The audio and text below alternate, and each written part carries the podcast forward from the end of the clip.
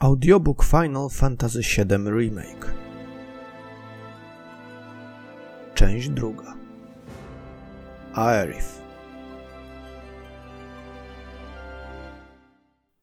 Nie bez przyczyny reaktor numer 5 był pozbawiony strażników. Shinra nigdy nie grała czysto, a teraz postanowiła zrobić spektakularny pokaz i upiec kilka pieczeni na jednym ogniu – Nieświadomi niczego Avalanche stali się pionkiem, który tylko pozornie decydował o swoich ruchach. To wielka korporacja od początku do końca decydowała o posunięciach Barreta i spółki.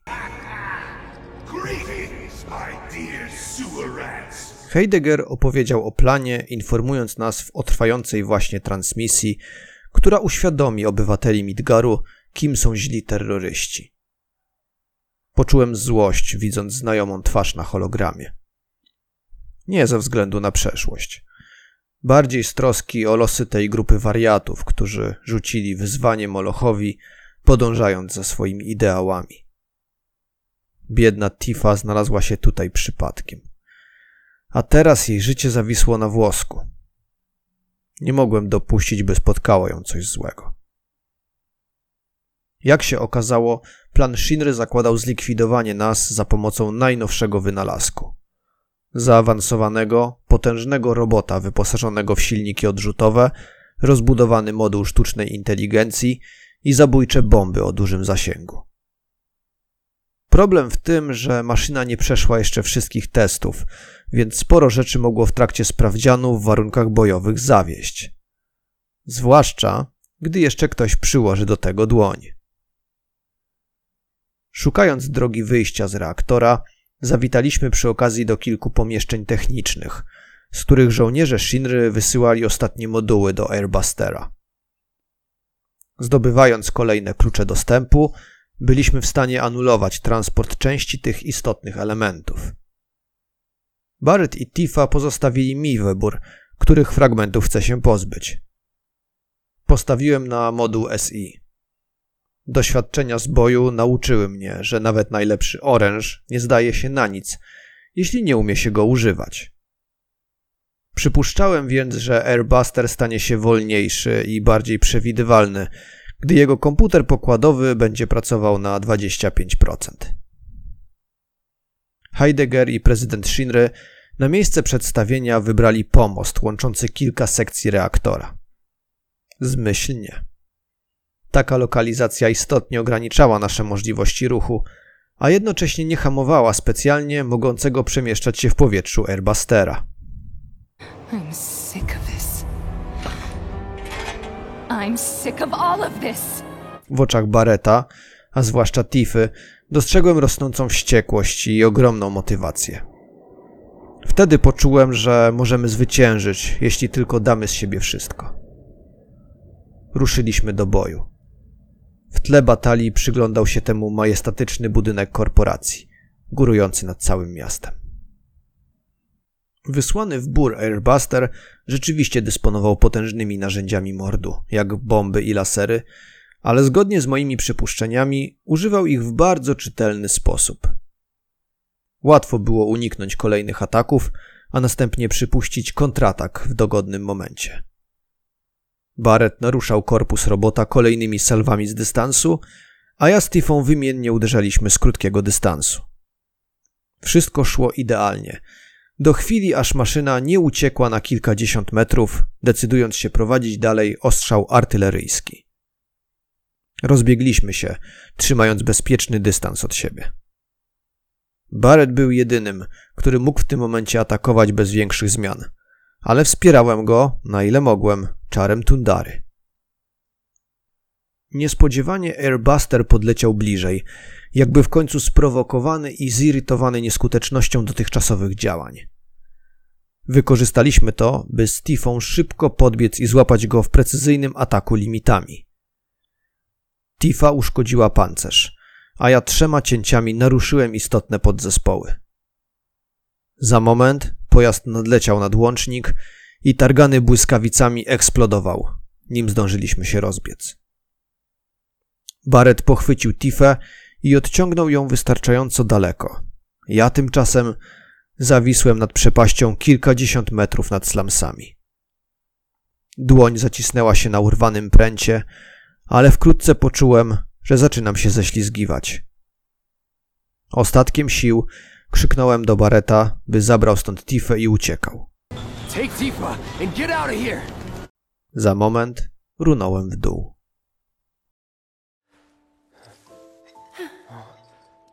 Ah, he lives. Finally awake, are we? Aerith. Parę razy w życiu spotykamy osoby, które w kilka chwil zmieniają nasz świat. Doskonale pamiętam pierwszy raz, gdy zobaczyłem tę drobną kwiaciarkę w różowej sukience o hipnotyzująco głębokich oczach. To właśnie one powitały mnie, gdy odzyskałem przytomność po upadku. Pod plecami czułem miękką otulinę z kwiatów. Podniosłem się i usiadłem, a szybki rzut oka uświadomił mi, że jestem w zniszczonym kościele.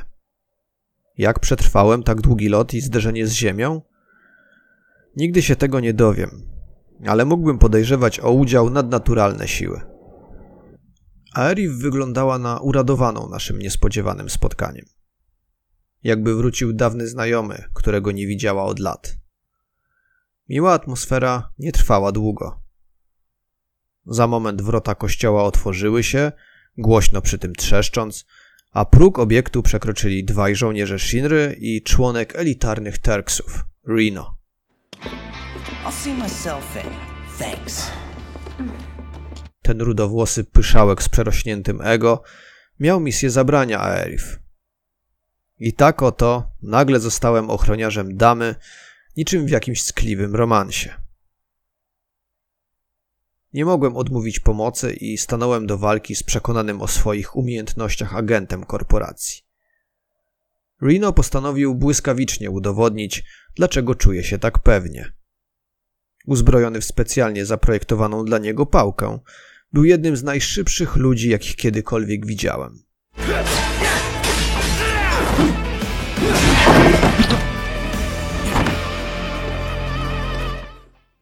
Poruszał się zwinnie, gibko i w sposób trudny do przewidzenia. Moje otępiałe po upadku ciało nie nadążało. Przyjmowałem kolejne razy, tylko utwierdzając tak groźnego przeciwnika w poczuciu wyższości. W końcu umysł wojownika wybudził się ze snu. Zorientowałem się, że biegając za Reno jak kot za myszą, narażam się tylko na śmieszność i bolesne kontry. Przeszedłem więc na styl pani Shera i opanowałem emocje. Skoncentrowałem się i przyjąłem kolejny atak na gardę. Tym razem to ja wyprowadziłem celne uderzenie zwrotne. Terks pomyślał, że to tylko przypadek, ale zaraz udowodniłem mu, że stracił już swoją przewagę. Po kilku kolejnych ciosach upadł na kolano, ciężko dysząc. Wiedział już, że soldier klasy pierwszej to dla niego za wysokie progi. Niespodziewanie w kościele pojawiły się zjawy, wywołując zamieszanie.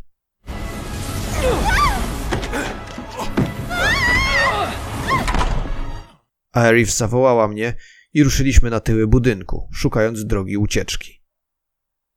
Przez moment sądziłem, że to kiepski pomysł, bo damy się wystrzelać żołnierzom Shinry jak kaczki, ale okazało się, że z jakichś względów nie mogli używać przeciwko nam broni, by nie ryzykować zranienia dziewczyny. Jeden z tych rekrutów o tym najwyraźniej zapomniał i kilka kul świsnęło koło naszych głów. Up there!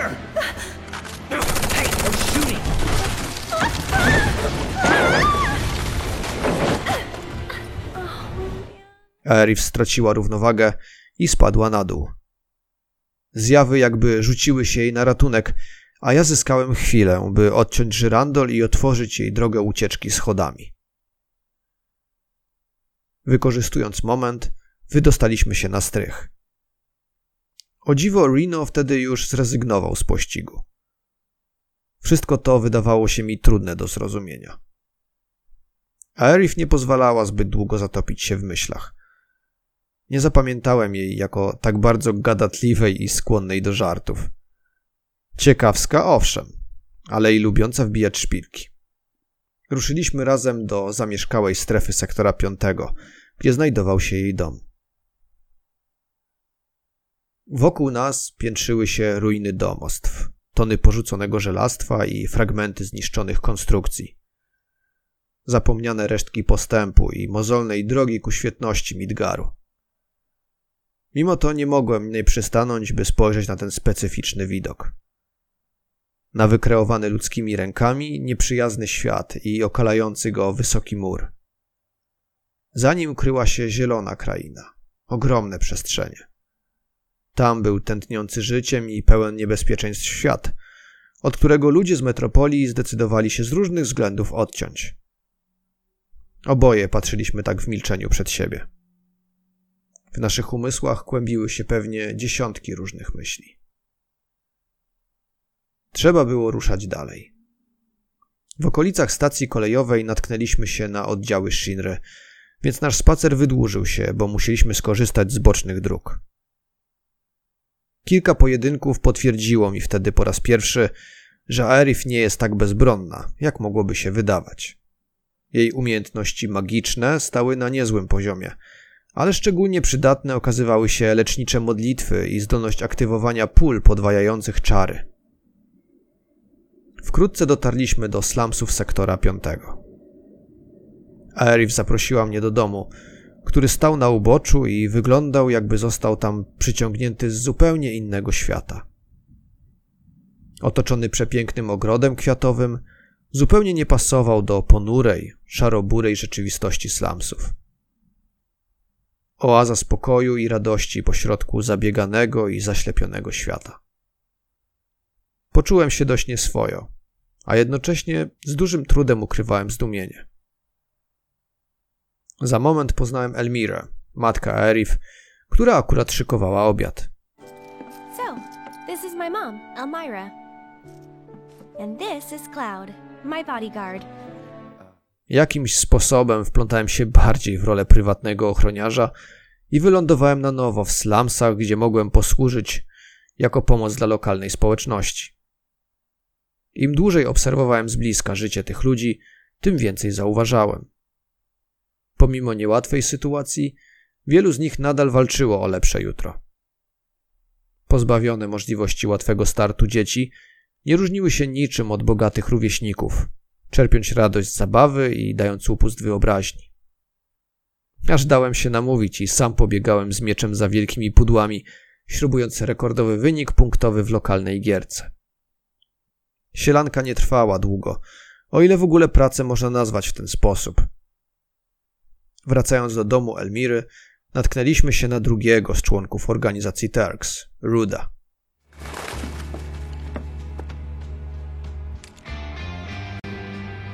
Hello, Aerith. What do you want? Teraz to on próbował zabrać Aerith do swoich przełożonych, więc musieliśmy stanąć do walki. Momentami sam nie mogłem uwierzyć, jak wytrzymały jest to i efektywnie dysponujący swoją siłą przeciwnik. Choć uzbrojony był tylko we własne pięści, długo stawiał mi opór.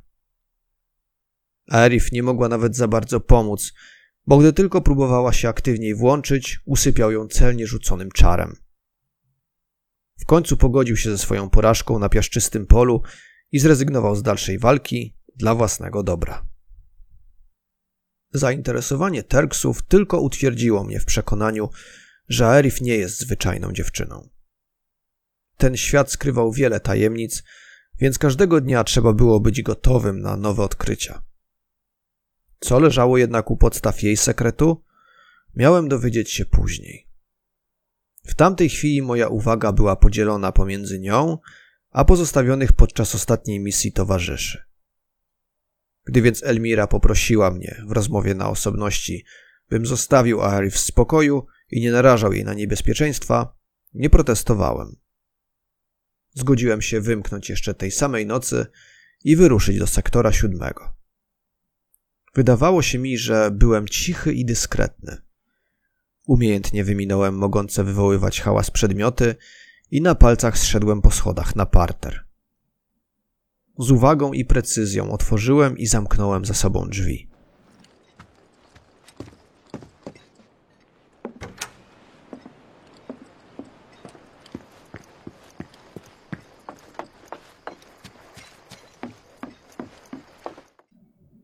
Wydawało się, że zupełnie niezauważony wymknąłem się z domu Elmiry.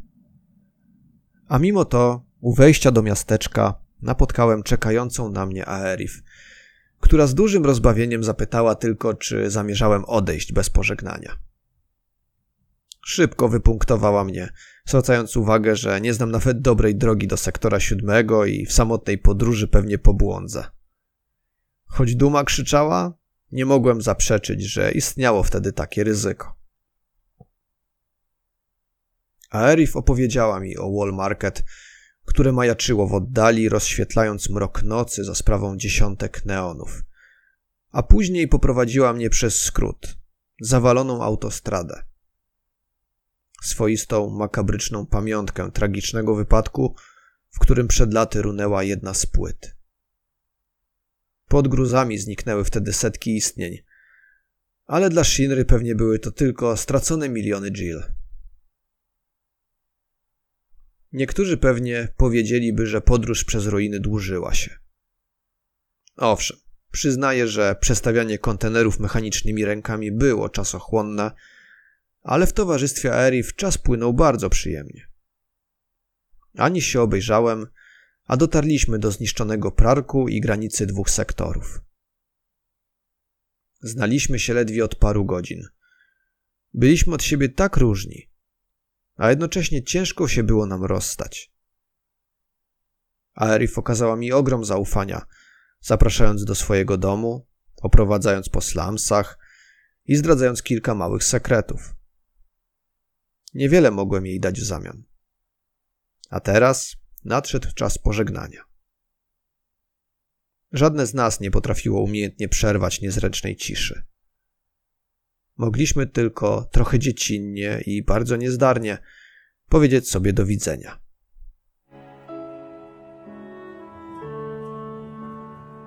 So,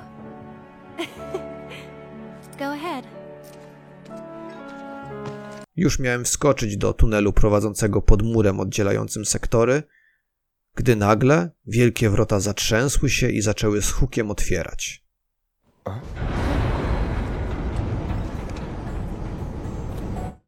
Naszym oczom ukazał się ciągnięty przez Chocobo powóz. Jego pasażerką była Tifa. Okazało się, że postanowiła położyć na szali własne życie dla dobra Avalanche i sprawy. Sama pchała się w ręce niebezpiecznego Dona Corneo, który w Wall Market miał się jak pączek w maśle. Zapewniała, że wszystko będzie w porządku i prosiła, bym wracał do Barreta. Kiedy powóz zniknął za zakrętem, spojrzałem na stojącą za mną Aerif. Oboje wiedzieliśmy, że nie możemy jej zostawić bez wsparcia. Nie przypuszczałem wtedy, ile perypetii czeka mnie za moment w jednej z najsłynniejszych dzielnic Midgaru. Dziękuję za wysłuchanie drugiego odcinka audiobooka z gry Final Fantasy VII Remake.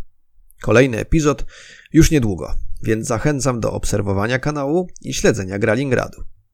Na blogu gralingrad.pl znajdziecie więcej nagrań z cyklu audiobooki z Gralingradu, a także e-booki i odcinkowe opowiadania z rozmaitych gier. Aktualnie zapraszam choćby na serie inspirowane The Legend of Zelda Breath of the Wild oraz Jump Force. Dzięki za uwagę, wszystkie komentarze oraz sugestie. Do usłyszenia wkrótce.